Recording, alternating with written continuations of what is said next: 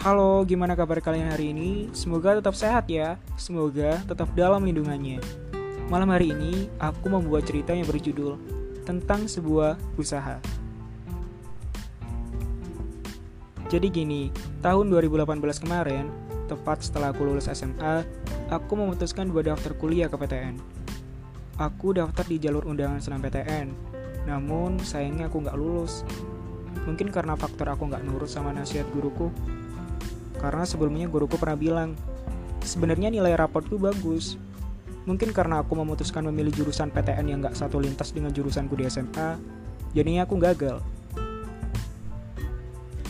Selanjutnya, sebenarnya aku pengen daftar SBMPTN. Di sini, sistem SBMPTN itu lebih netral daripada senam PTN, karena tanpa memperhitungkan asal jurusan. Mungkin belum bisa terrealisasi aja, karena aku nggak punya duit buat daftar SBMPTN aku belum bisa ikut SBMPTN di tahun pertama. Mau minta duit ke orang tua nggak mungkin. Karena punya rencana kuliah aja pure keinginanku sendiri. Lalu ya udah deh aku mutusin gap year aja. Mungkin dengan nunda setahun aku bisa kerja dan bisa punya tabungan sendiri buat kuliah tanpa minta orang tua. Karena aku sadar kondisi ekonomi keluarga yang gak cukup baik.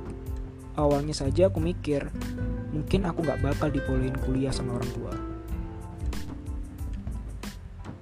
Setelah berbulan-bulan menunggu lowongan kerja, aku harinya dapat pekerjaan. Aku bekerja sebagai pramuniaga di salah satu Gramedia di Surabaya. Selain aku bekerja, rutinitasku belajar masih aku jaga. Buat persiapan tes SBMPTN di tahun selanjutnya di realitanya gap year itu nggak gampang.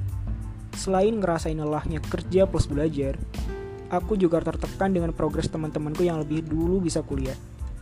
Mereka yang sudah punya alma mater kampus mereka masing-masing.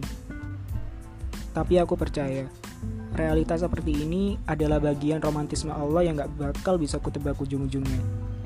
Yang bisa kulakukan hanyalah fokus kerja plus belajar. Capek Iya, stres setiap hari. Punya alasan buat nyerah. Nggak bakal. Karena apa yang kurang? Fisik juga diberikan sempurna oleh Allah. La yukalifullahu nafsan illa usaha. Sebenarnya kayak gitu terus sih prinsipku. Akhirnya, setiba hari tes SBMPTN, aku mengerjakan prosedur tes dan menyelesaikan dengan lancar. Ya walaupun ada satu, dua, tiga, dan seterusnya aku kesusahan ngerjain soal, namanya juga manusia, apalagi cowok kayak aku. Tapi alhamdulillah hasilnya memuaskan, sesuai dengan keinginan. Aku diterima di PTN beserta di ACC-nya beasiswa bidik misiku. Lumayan, sambil nyelam, minum sirup nata de koko ditemani Feby Palwinta. Gitu kata psikologi di film 5 cm. Lihat kan, la yukallifullahu nafsan illa usaha. Allah tidak membebani seorang melainkan sesuai dengan kesanggupannya. Fokus aja berusaha, tonjolkan segala yang positif, kesimpangkan hal negatif. Insya Allah, semua itu nggak akan sia-sia. Itu aja sih. Yang tengah berusaha, genjot terus usahanya. Untuk malam ini, dan seterusnya, terima kasih telah mendengarkan.